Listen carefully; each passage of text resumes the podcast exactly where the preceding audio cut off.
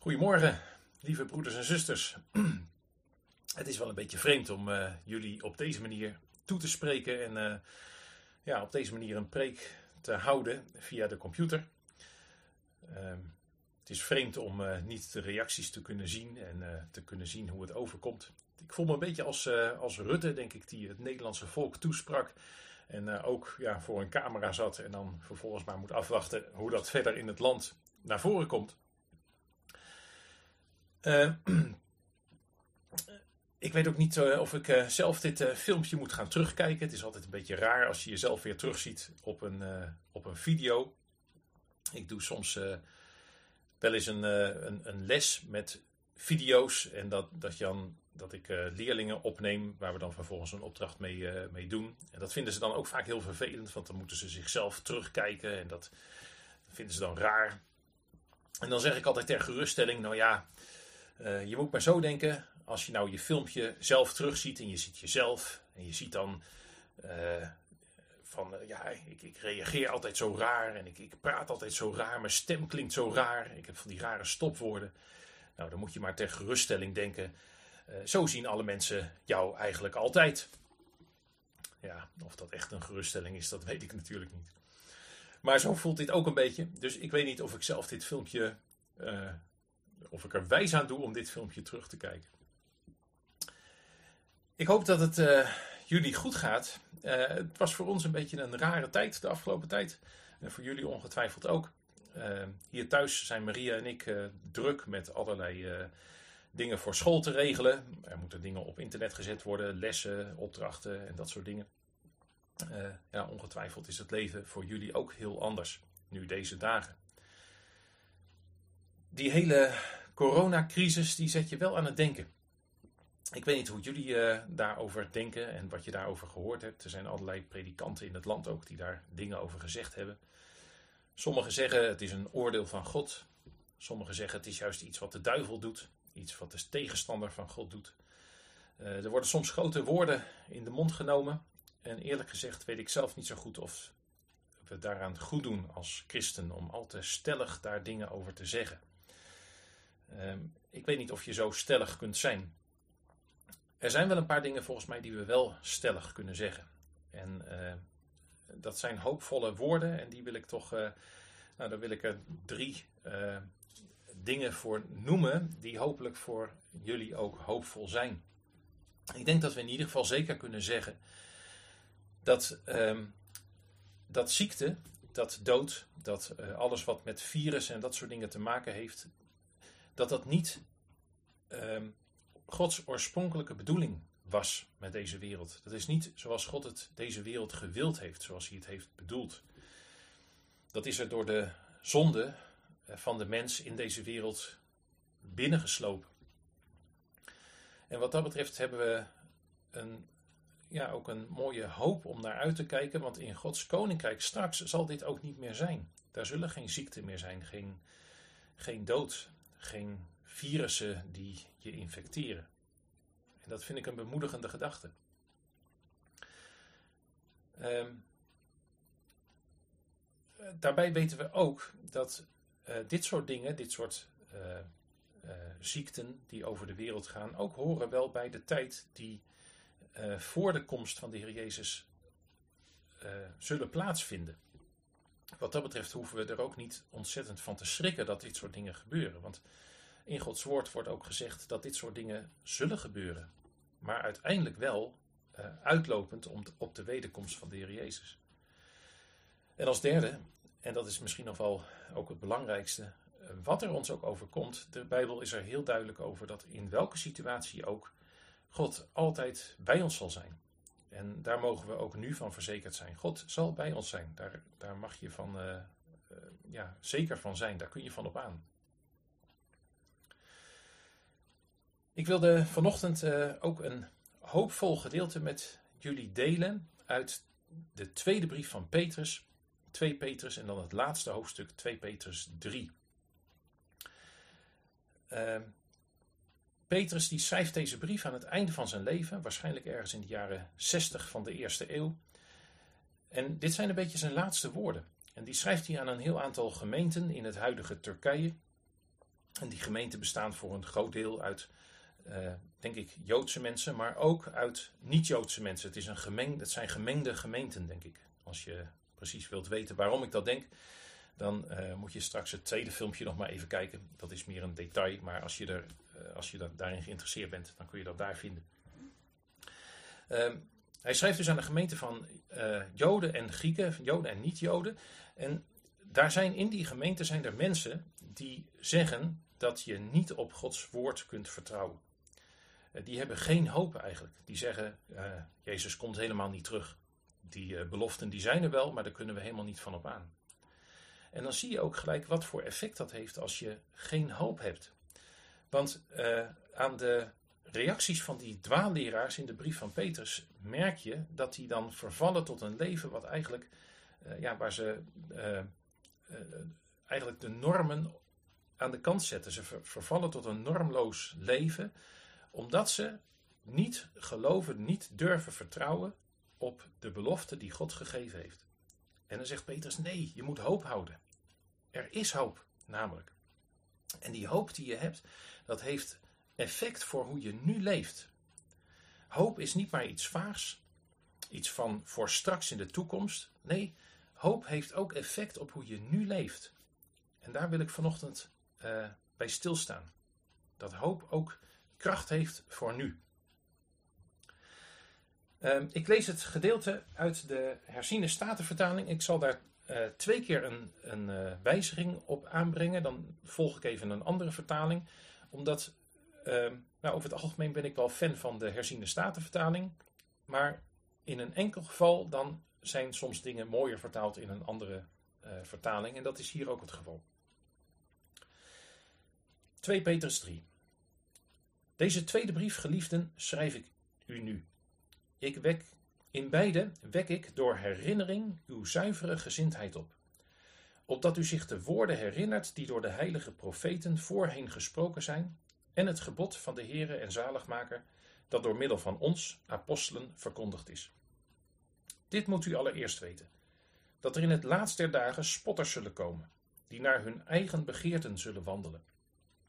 En zeggen, waar is de belofte van zijn komst? Want vanaf de dag dat de vaderen ontslapen zijn, zeggen die spotters dus, blijven alle dingen zoals vanaf het begin, alle dingen zoals vanaf het begin van de schepping. Want willens en wetens is het hun onbekend dat door het woord van God de hemelen er reeds lang geweest zijn, evenals de aarde die uit, uit het water oprijst en in water vaststaat. Daardoor is de wereld die er toen was vergaan, overspoeld door het water. Maar de hemelen die er nu zijn en de aarde zijn door hetzelfde woord als een schat weggelegd en worden door het vuur, voor het vuur bewaard tot de dag van het oordeel en van het verderf van de goddeloze mensen. Maar laat vooral dit u niet ontgaan, geliefden, dat één dag bij de Heere is als duizend jaar en duizend jaar als één dag. De Heere vertraagt de belofte niet, zoals sommigen dat als traagheid beschouwen. Maar hij heeft geduld met ons en wil niet dat enigen verloren gaan, maar dat allen tot bekering komen. Maar de dag des Heren zal komen, als een dief in de nacht. Dan zullen de hemelen met gedruis voorbijgaan en de elementen brandend vergaan. En de aarde en de werken daarop zullen gevonden worden. Hier wijk ik even af van de herziende statenvertaling. Dit is eh, zoals de NBG dit heeft. Dus de, de aarde en de werken daarop zullen gevonden worden. Als deze dingen nu allemaal vergaan, hoe danig behoort u dan te zijn in heilige levenswandel en in godsvrucht? U die de komst van de dag van God verwacht en die verhaast. Ik volg weer even een andere vertaling. De dag waarop de hemelen door vuur aangestoken zullen vergaan en de elementen brandend zullen wegsmelten. Maar wij verwachten overeenkomstig zijn belofte nieuwe hemelen en een nieuwe aarde waar gerechtigheid woont. Daarom, geliefden, terwijl u deze dingen verwacht, beijver u om onbevlekt en smetteloos door hem bevonden te worden in vrede. En beschouw het geduld van onze Here als zaligheid. Zoals ook onze geliefde broeder, broeder Paulus naar de wijsheid die hem gegeven is, u geschreven heeft, zoals ook in alle brieven, wanneer hij deze dingen ter sprake brengt. Daaronder zijn sommige zaken die moeilijk te begrijpen zijn, die de onkundige en onstandvastige mensen verdraaien, tot hun eigen verderf, net als de andere schriften. U dan, geliefden, omdat u dit van tevoren weet, wees op uw hoede, zodat u niet door de dwaling van normloze mensen wordt meegesleept en afvalt van uw eigen vastheid. Maar groei in de genade en kennis van onze Heere en zaligmaker Jezus Christus. Hem zij de heerlijkheid, zowel nu als in de dag van de eeuwigheid. Amen. Tot zover het woord van God. Je verwachting voor de toekomst heeft een groot effect op hoe je nu leeft. Ik heb eens gehoord in een preek van uh, Tim Keller het volgende voorbeeld. Tim Keller die noemde zijn voorganger uit New York, misschien kent u. En die noemt uh, twee situaties. Hij zegt: stel je eens voor dat er uh, twee mensen zijn die allebei enorm geestdodend werk doen. Echt enorm saai. Ze staan de hele dag achter een lopende band precies hetzelfde te doen. De, precies dezelfde handeling. De hele dag door. En je vraagt aan beide van, joh, hoe vind je dit nou om dit te doen? Nou, de een zegt, verschrikkelijk. Ik kan me niks ergers voorstellen dan dit. Dit is zo verschrikkelijk. Dit is zo ontzettend saai. Ik, ik, ik kan dit bijna niet voortzetten. Dit is zo verschrikkelijk. En aan die tweede wordt dezelfde vraag gesteld. En die zegt, uh, nou, weet je, ja, dit is, uh, ja, het, het, bevalt me best goed. Dit, dit gaat, uh, dit is best te doen. En je vraagt je dan natuurlijk af, wat is dan het verschil tussen die eerste en die tweede? En wat blijkt, als je eens wat langer doorvraagt, dan blijkt dat die eerste, die het zo verschrikkelijk vond, ja, die ontvangt voor zijn, uh, zijn werkzaamheden, ontvangt hij uh, net aan het minimumloon. Een heel schamel loontje. En die tweede, die is in het vooruitzicht gesteld, als ik dit nu een jaar doe, dan krijg ik daarna een miljoen op mijn rekening. Nou, je snapt, dat maakt verschil. Als je weet wat er in de toekomst gebeurt, wat, er, wat het gevolg is van wat je nu doet, welke hoop je hebt, dan heeft dat effect op de dingen die je nu doet. Stel je, nog eens, stel je eens voor eh, dat uh, deze hele coronacrisis, uh, dat we daar helemaal geen uitzicht in zouden hebben. Stel je voor dat we op een gegeven moment allemaal thuis moeten zitten en dat we ons huis niet meer uit mogen en dat dat ja, oneindig lang zou duren. Dan zou dat verschrikkelijk zijn, toch? Dan zou je daar, uh, dan zou je er erg gedeprimeerd van worden. Maar als je de hoop hebt van, ja, maar dit is even. We moeten hier even doorheen. En dan, dan is het leven weer normaal. Dan kunnen we weer gewoon genieten. Dan is het vol te houden. Hoop die je hebt voor wat er gaat gebeuren, heeft effect voor hoe je nu leeft. En dat is wat in deze brief ook gebeurt, wat, wat uh, Petrus hier doet. Petrus die richt onze blik op de toekomst, met als gevolg van uh, dat je nu al anders leeft. Kijk maar wat hij doet. Uh, in hoofdstuk 3, vers 1. Dan zegt hij: ik wek door herinnering uw zuivere gezindheid op. Dus uw, de zuivere manier van in het leven staan. Die wek ik op door herinnering. Dus wat doet hij eigenlijk? Uh, hij werkt dat uit in vers 2. Dat je je de woorden herinnert van de heilige profeten, die de heilige profeten gesproken hebben, en het gebod van de Heere en Zaligmaker, dat door middel van ons apostelen verkondigd is. Dus Petrus die wekt de zuivere gezindheid op voor nu, voor nu in het leven staan. En dat doet hij door in herinnering te brengen wat er in het verleden is gezegd. En dat heeft effect voor de toekomst. Want daar gaat hij mee verder. Uh, daar gaat hij namelijk erop in dat er sommige spotters zijn die over de toekomst hele andere dingen zeggen dan wat de profeten hebben gezegd en wat de Heer Jezus heeft gezegd. En hij zegt dat klopt dus niet. Je moet je herinneren wat er gezegd is dat zijn andere woorden dan wat die spotters zeggen. Ehm, die spotters die zeggen, alles zal hetzelfde blijven. De heer Jezus heeft al gezegd dat hij terug zal komen, dat er verandering zal komen, maar dat is helemaal niet waar. Alles blijft altijd hetzelfde. Vanaf tot het begin van de schepping is alles al hetzelfde, het is nooit veranderd. Nee, zegt Petrus, dat is niet waar. Je moet vertrouwen op wat er gezegd is in zijn woord, in Gods woord. Daar kun je op rekenen. Um, en wat er dan gezegd is en wat, wat die, dat toekomstperspectief is, daar kom ik zo dadelijk even op terug. Maar het is voor nu al goed om er even bij stil te staan wat Petrus hier nou precies doet. Want dat is volgens mij iets waar wij ook veel uit kunnen leren. Uh, Petrus die vertrouwt op twee dingen. Hij zegt op wat de heilige profeten hebben gezegd. Wij zouden zeggen op datgene wat er in het Oude Testament staat. En tweede, op het gebod van de Heere en Zaligmaker en de apostelen. Dat laatste staat voor Petrus trouwens volledig op één lijn. Wat de apostelen gezegd hebben is net zo waardevol, net, heeft net zoveel gezag als wat de Heer Jezus gezegd heeft. Uh, letterlijk staat het in het Grieks zelfs andersom. Dan, wordt de, het, dan staat er het gebod van uw apostelen van de Heer en Heiland. Dus dan worden de apostelen eerst genoemd. Daar kan je dus op vertrouwen. Dus je kunt er, kortom, kan je zeggen, wat de apostelen zeggen, is volledig in lijn met het woord van de Heer Jezus. En daar kunnen we dus op vertrouwen. En als wij ons bewust dat in herinnering brengen, dan sta je dus op de goede manier in het leven, met de zuivere gezindheid. Nou, dat is volgens mij een heel praktische les voor ons nu, wij moeten ons, onze gedachten bewust richten op wat God in zijn woord heeft gezegd in het Oude Testament.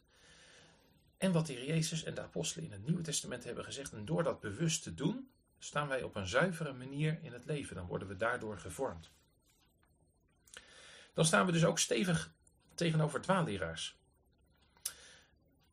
Wat zeggen die dwaalleraars dan hier in de tijd van Petrus in dit, uh, in dit gedeelte? Nou, zij zeggen ja, waar blijft die belofte van zijn komst? Want vanaf het begin, vanaf de dag van de vaderen, dat de vaderen ontslapen zijn, blijven alle dingen zoals van het begin van de schepping. Dus met andere woorden, eh, vanaf de dag dat de vaderen, de eerste generatie van christenen, is overleden, sommigen zijn daarvan al overleden toen Petrus dit schreef, blijft alles hetzelfde. Dus die belofte van zijn komst, daar kunnen we helemaal niet op rekenen, zegt hij. Nee, alles blijft vanaf het begin van de schepping hetzelfde, zeggen die dwaalleeraars. En Petrus die geeft erop het volgende antwoord. Hij zegt eerst, nou die schepping waar jullie het over hebben, die dus vanaf het begin af aan steeds hetzelfde blijft volgens jullie, die staat er door het woord van God, zegt hij in vers 5. En die schepping die is al eens overspoeld geweest door water. In vers 6. Hij bedoelt daar de zondvloed. Daar heeft hij ook al het eerder over gehad in 2 Petrus 2 vers 5. En ook dat zegt hij. Ook dat gebeurde door het woord van God. En nu wordt de schepping door datzelfde woord van God bewaard tot het oordeel zal komen. Ditmaal door vuur. Dus met andere woorden, dan vat ik het even in eigen woorden samen. De schepping bestaat door het woord van God. De schepping is al een keer geoordeeld door het woord van God. En de schepping zal geoordeeld worden door het woord van God. Dus, met andere woorden, ik zou maar niet te hard zeggen dat dat woord van God niet betrouwbaar is. Dat is het eerste deel van zijn antwoord. En uh, het tweede deel, waar hij dan op doorgaat, is dit. Hij maakt dan ook duidelijk dat het niet klopt dat de schepping vanaf het allereerste begin altijd al hetzelfde is gebleven. Er is namelijk al eerder een oordeel geweest door water, de zondvloed. En er gaat over de wereld van na de zondvloed, dus onze wereld, daar gaat nog een oordeel van God over komen door vuur. Kortom, God is eerder zijn woord nagekomen en hij zal weer doen. Alles blijft niet hetzelfde. Nee, God heeft al eerder geoordeeld. En dan zegt hij vervolgens, ja, waarom duurt het dan zo lang voordat de komst van de Heer Jezus er is? Daar gaat hij dan in, uh, uh, vanaf vers 8 gaat hij daarop in. Eigenlijk uh, zegt hij in vers 8 en 9, geeft hij weer twee antwoorden. Nou zegt hij eerst, Gods tijd is anders dan onze tijd. Want een dag bij God is anders dan een dag bij ons. En een, een jaar bij ons is, een, duizend jaar is anders dan, een, uh, dan duizend jaar bij God. Dat is verschillend. En het tweede is, uh, de reden waarom God wacht met dat oordeel nu, waarom dat oordeel van vuur nog niet komt, dat is omdat Hij geduld met ons heeft. Hij is genadig. Hij geeft ons de tijd om tot inkeer te komen. Hij wil namelijk dat er niemand verloren gaat.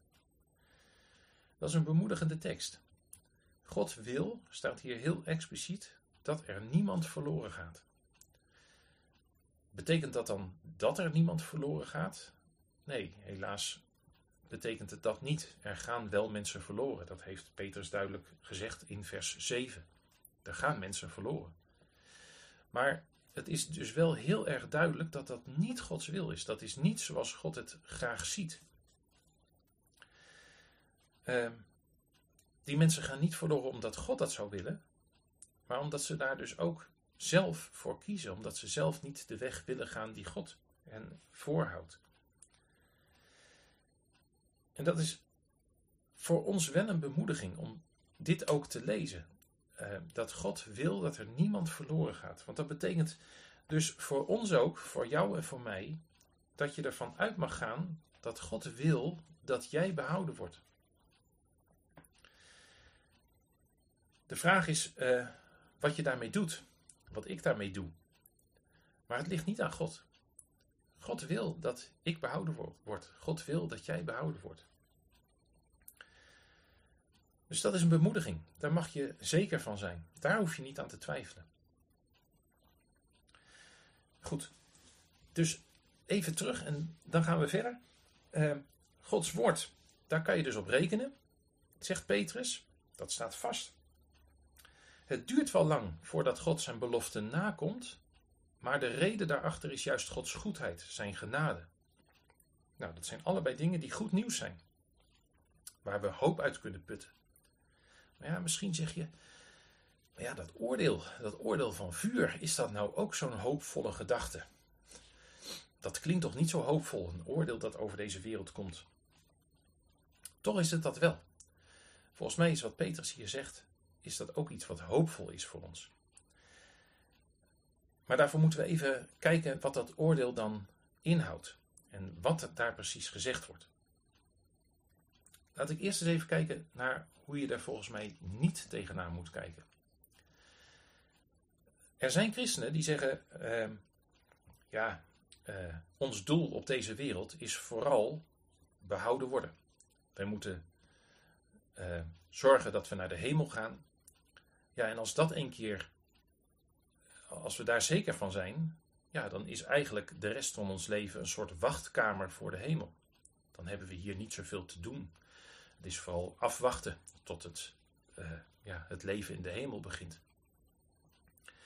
Uh, zoals uh, in dat oude kinderliedje het gezongen wordt van stil maar, wacht maar, alles wordt nieuw. En op zich, ik heb niet zoveel tegen dat liedje hoor, er is, het is best een mooi lied. Maar je kunt er al snel de indruk van krijgen dat we hier vooral eigenlijk, ja, dat wat we hier doen ook niet zoveel zin heeft. Alles wordt toch vernietigd. Er komt een oordeel van vuur.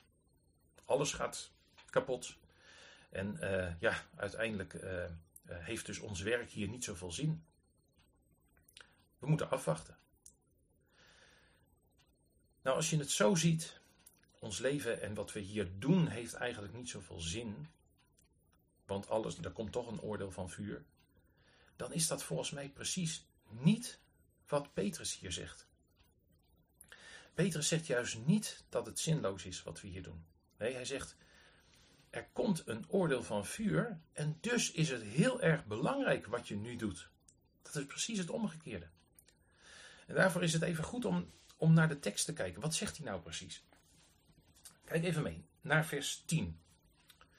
In vers 10 daar staat: De dag des Heren zal komen als een dief in de nacht. Dus plotseling. Opeens, onverwacht. Dan zullen de hemelen met gedruis voorbij gaan. Daar staat daar letterlijk eigenlijk met gesis voorbij gaan. Dus de associatie ook met het vuur wat er komt. Het zal met gesis voorbij gaan. Ze zullen worden verbrand. De elementen zullen brandend vergaan. Wat zijn precies de elementen? Wij denken daar misschien al snel aan, uh, aan, aan scheikundige stoffen. Uh, maar dat, daar kan Petrus eigenlijk niet aan gedacht hebben. Want die waren op dat moment, in de eerste eeuw na Christus, was daar niet zoveel over bekend. Ehm, sommigen zeggen, nou heeft het daar over de, de elementen zoals die in sommige Griekse filosofieën werd genoemd. Ehm, dan zou je kunnen denken aan aarde, water, lucht en vuur. Dat zou kunnen. Uh, anderen denken, en ik denk zelf eerlijk gezegd eh, voel ik het meeste voor die uitleg, dat Petrus hier denkt aan de elementen van de, de zon, de maan en de sterren die aan de hemel staan. Dus de, de hemelen zullen vergaan en ook de, de inhoud van wat er aan de hemel staat. Die zullen door vuur ontbonden worden, die zullen in, in, in stukken uit elkaar vallen. Nou, nou klinkt dat nog steeds behoorlijk van alles vergaat. Alles, uh, dat klinkt nog niet zo hoopvol, kan ik me voorstellen. Maar let op wat er dan staat aan het einde van vers 10. Dan staat: De aarde wordt blootgelegd en alles wat daarop gedaan is, dan volg ik even de NBV, komt aan het licht. De NBG die heeft daar, de aarde en de werken daarop zullen gevonden worden. Er blijft dus iets over. Er blijft iets bestaan door dat vuur heen. Dat is wat anders dan wat de herziende statenvertaling heeft staan. Uh, daar staat de aarde en de werken daarop zullen verbranden. Daar gaan die aarde ook, de, werken daar ook verloren. Maar ik zei het al, normaal gesproken ben ik wel fan van de uh, herziende statenvertaling. Maar hier is deze vertaling echt niet juist. En daar heb ik een aantal redenen voor. Eerst is de herziende statenvertaling die is gebaseerd op uh, handschriften, dus kopieën van het Nieuwe Testament, van de brieven die uh, geschreven zijn in het Nieuwe Testament. En die kopieën die dateren uit de middeleeuwen. Uh, die, de Statenvertaling die heeft gebruik gemaakt, en de herziende Statenvertaling, van de geschriften die er bekend waren in de tijd van de Reformatie.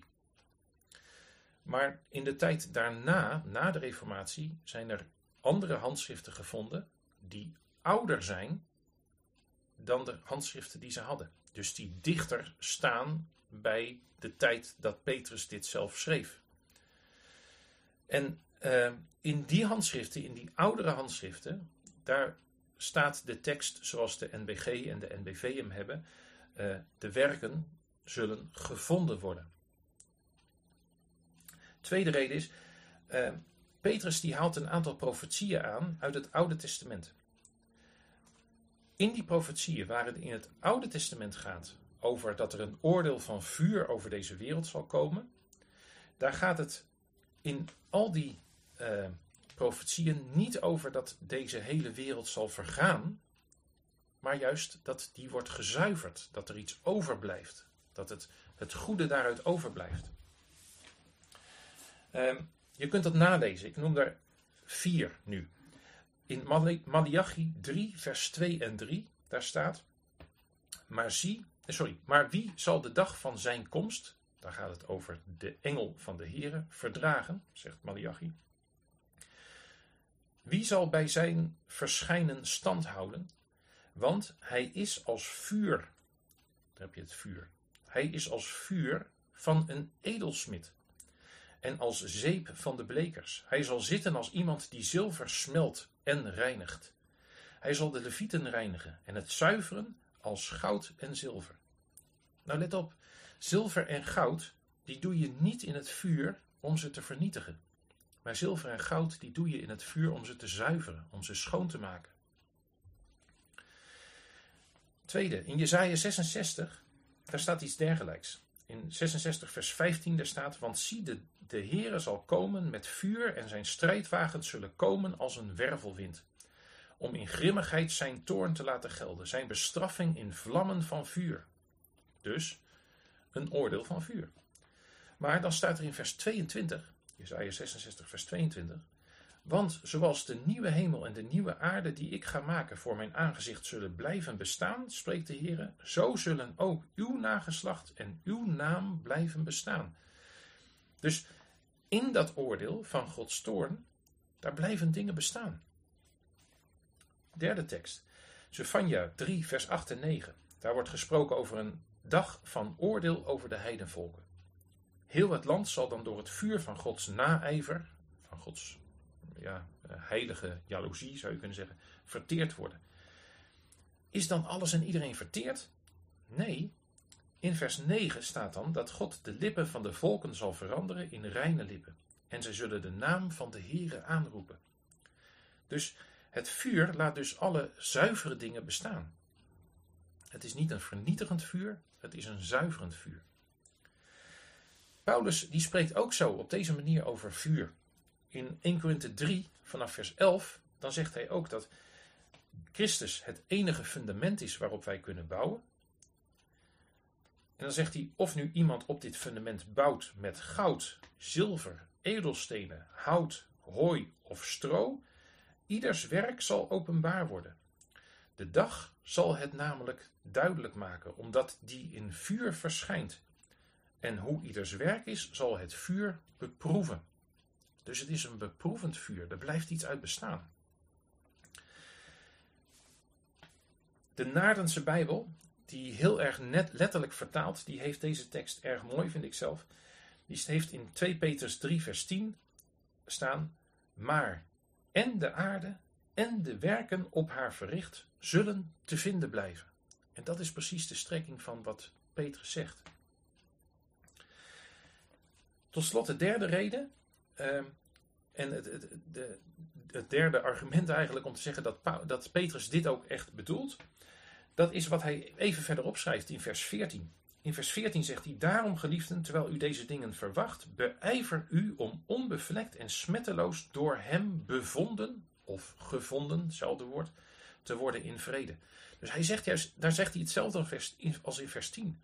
Het gaat erom, door het vuur heen, dat je werken aan het licht komen en dat God zal zien, ja, wat voor werken jij hebt gedaan. Of dat tot Gods eer is geweest of niet. Ja, wat houdt dat dus voor ons in? Aan de ene kant een waarschuwing. Uh, wat wij hier doen op deze wereld, dat komt aan het licht. Dat zal God aan het licht brengen. Als zijn oordelen komen. Maar tegelijkertijd is het ook een bemoediging. Want uh, al die dingen die tot eer van God zijn gedaan, die zuiver zijn, die dus in een zuivere gezindheid zijn gedaan, die zullen ook aan het licht komen. Die zullen op de een of andere manier zullen die blijven bestaan. Die hebben evigheidswaarde. Ik vind dat zelf een hele hoopvolle, een hele motiverende gedachte voor uh, hoe wij nu ons werk mogen doen. Hoe je nu in het leven mag staan. Het is dus niet stil maar, wacht maar. We hoeven nu eigenlijk niks te doen. Nee, we mogen juist heel veel voor God doen in een zuivere gezindheid. Want die dingen die wij nu doen tot eer van God, die hebben evigheidswaarde. Die hebben zin voor straks. Laten we het even concreet maken. Wat, wat voor dingen, waar kan je dan aan denken? Uh, nou, Petrus, die zegt in vers uh, eh, 11, die roept op om heilig te leven en godvruchtig te leven. 3 vers 11. Dus heilig, dat betekent apart gezet voor God, gericht op God. Daar roept hij toe, op. En godvruchtig, dat betekent vroom of eerbiedig, gericht op de eer van God. Dat kunnen we doen, dus heilig en godvruchtig leven, door de komst van de Here te verwachten, staat er dan in vers 12. Door die dag te verwachten. En dan staat er iets bijzonders. Uh, door de herziende statenvertaling heeft dan door ernaar te verlangen. Maar dat is ook weer niet letterlijk wat er in de grondtekst staat, in de oudste handschriften. Want er staat door die dag te verhaasten. Dat is bijzonder. Wij kunnen dus door wat wij doen, de dag van God verhaasten. Die kunnen we dichterbij brengen. Dat is bijzonder om je te realiseren. Waar kan je dan aan denken? Wat, wat heeft Petrus hier dan in gedachten? Nou, als je kijkt naar de directe context, de directe teksten die eromheen staan, eh, dan is het de reden voor het uitblijven van Gods koninkrijk is Gods genade. God wacht nog af, omdat hij graag wil dat zoveel mensen, veel mogelijk mensen, eh, hem leren kennen en tot behoud komen. God wacht af omdat hij niet wil dat er mensen verloren gaan. Ik denk dus dat als wij Gods koninkrijk dichterbij willen brengen, dat dat kan door mensen ook juist met Hem bekend te maken. Door uh, te zorgen dat de Heer Jezus niet meer hoeft af te wachten. Dus dat is één ding die we, dat, wat we kunnen doen. En wat, wat zeker zin heeft in ons leven nu. De mensen over de Heer Jezus vertellen. Dat brengt Gods koninkrijk dichterbij. Um, wat is nog meer godvruchtig leven? Leven tot eer van God. In hoofdstuk 1, in uh, dezelfde brief, hoofdstuk 1, vers 5 tot 7, je moet dat maar eens een keer rustig nalezen, dan zegt Petrus dat dat een leven is wat uiteindelijk gericht is op het laten zien van Gods liefde. Hij noemt er een heel rijtje van dingen en dat loopt uit op het laten zien van Gods liefde. Wat je daarvoor doet, wat gericht is op het laten zien van Gods liefde, wat, wat gericht is op het laten zien van Gods eer, dat komt door het oordeel van Gods vuur heen. Dat zal daar blijven bestaan. Hoe mooi is dat? Hoe mooi is dat? Ons werk is niet zinloos. Het blijft bestaan. Als het op God gericht is. Toen mijn oma in een verpleeghuis zat, dat is alweer jaren geleden, toen was ze op een gegeven moment was ze heel erg aan het dementeren. Eh, ze wist op een gegeven moment niet meer uh, wat ze precies aan het doen was. Uh, als je op bezoek geweest was, dan vijf minuten later wist ze totaal niet meer dat je geweest was. Ik weet nog dat we toen wel eens een uh, aantal muziekmiddagen hebben verzorgd in dat verpleeghuis waar ze zat. Met het gezin, met mijn ouders en broer en zus. En als je mijn oma dan weer teruggebracht had naar haar kamer, dan wist ze eigenlijk niet meer dat ze er geweest was. En aan de ene kant, je kan niet zeggen dat dat dan daarmee geen waarde heeft, want op het moment zelf had het zeker waarde. Maar wij ervaren toch dingen die, die je niet herinnert, die ervaren wij als minder waardevol. Uh, wij dingen die, waar we van genieten, daar spreken we lang over na. Die willen we graag herinneren. Nou, zo is het ook volgens mij wordt ons leven rijker, wordt wat we nu doen rijker, als we in gedachten hebben dat wat we tot eer van God hebben gedaan, dat dat herinnerd zal blijven. Datgene wat zuiver is, dat komt aan het licht. Dat blijft aan het licht. Ik hou van schilderen. Uh, het maakt nogal uit uh, of je een tekening of een schilderij maakt waarvan je weet dat die dezelfde dag nog vernietigd gaat worden en in de prullenbak gegooid wordt. Of dat je weet van wat ik nu aan het schilderen ben, dat, komt, uh, dat mag in het Rijksmuseum komen te hangen. Dan, dan maak je zo'n schilderij met veel meer zorg, want je denkt, dit, moet, dit blijft lang bewaard. Hoe mooi is het dan om te bedenken dat wat wij nu doen, dat dat ook op de een of andere manier bewaard blijft. Dat, dat daar herinnering aan blijft. Ik vind dat zelf een hele mooie gedachte.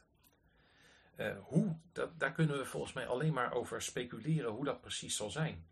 Maar ja, wat voor God zuiver is, dat zal weer aan het licht komen. Het zou wel eens zo kunnen zijn dat we in Gods koninkrijk heel veel zullen terugzien van alle mooie dingen die er door de eeuwen heen tot eer van God gedaan en gemaakt zijn. Dat maakt wat wij nu doen extreem zinvol, extreem hoopvol. Als jij je werk nu doet tot eer van God, of je nu uh, huizen met riet bedekt, of je mensen onderwijst, of je bijbels verspreidt, Of je versnellingsbakken reviseert. Of je in een kapperszaak werkt. Of deze dagen veel thuis bent en misschien alleen iets voor de buren kunt betekenen. Wat je nu doet tot eer van God, dat zal straks door God gevonden worden. En dat maakt ons werk ontzettend zinvol. Nog even samenvattend. Gods woord staat vast. We kunnen daarop bouwen. De belofte dat de Heer Jezus terugkomt en alles zal vernieuwen en alles zal beoordelen staat ook vast. Dat het al lang duurt, dat heeft te maken met Gods goedheid. Hij wil dat zoveel mogelijk mensen behouden worden. Maar hij zal terugkomen. Dat staat vast, net als de zekerheid dat ons werk getoetst zal worden. God zal deze wereld als een zilver of een goudsmid zuiveren. En wat wij tot zijn eer hebben gedaan, dat zal blijven bestaan. Wij hebben echt een geweldige hoop. En die hoop maakt wat wij nu doen in ons leven extreem zinvol. Zullen we bidden met elkaar? Lieve Vader in de hemel, ik wil u danken dat we kunnen bouwen op uw woord. Ik wil u danken dat u ons uw woord hebt gegeven, dat we daarop kunnen vertrouwen. En ik wil u danken dat de reden eh, waarom u nu nog niet terugkomt, dat dat gelegen is in uw goedheid, in uw liefde voor ons. Heer, ik wil u bidden voor alle mensen om ons heen die u niet kennen. Wilt u ons misschien ook inschakelen om hen te gebruiken? Wilt u ons daarbij helpen? Wilt u ons uh, kansen laten zien waar we over u kunnen vertellen, waar we iets van u kunnen laten zien? En Heer, ik wil u ook danken dat wat we nu doen, tot eer van u, dat dat aan het licht zal komen. Dat dat zal blijven bestaan. Dat daar herinnering aan zal blijven. Heer, ik wil u danken voor die hoop die u ons gegeven hebt, zodat we nu ook op een heel andere manier in het leven kunnen staan. Heer, dank u wel daarvoor. In de naam van u, Heer Jezus. Amen. Ik wens uh, u nog een hele fijne zondag.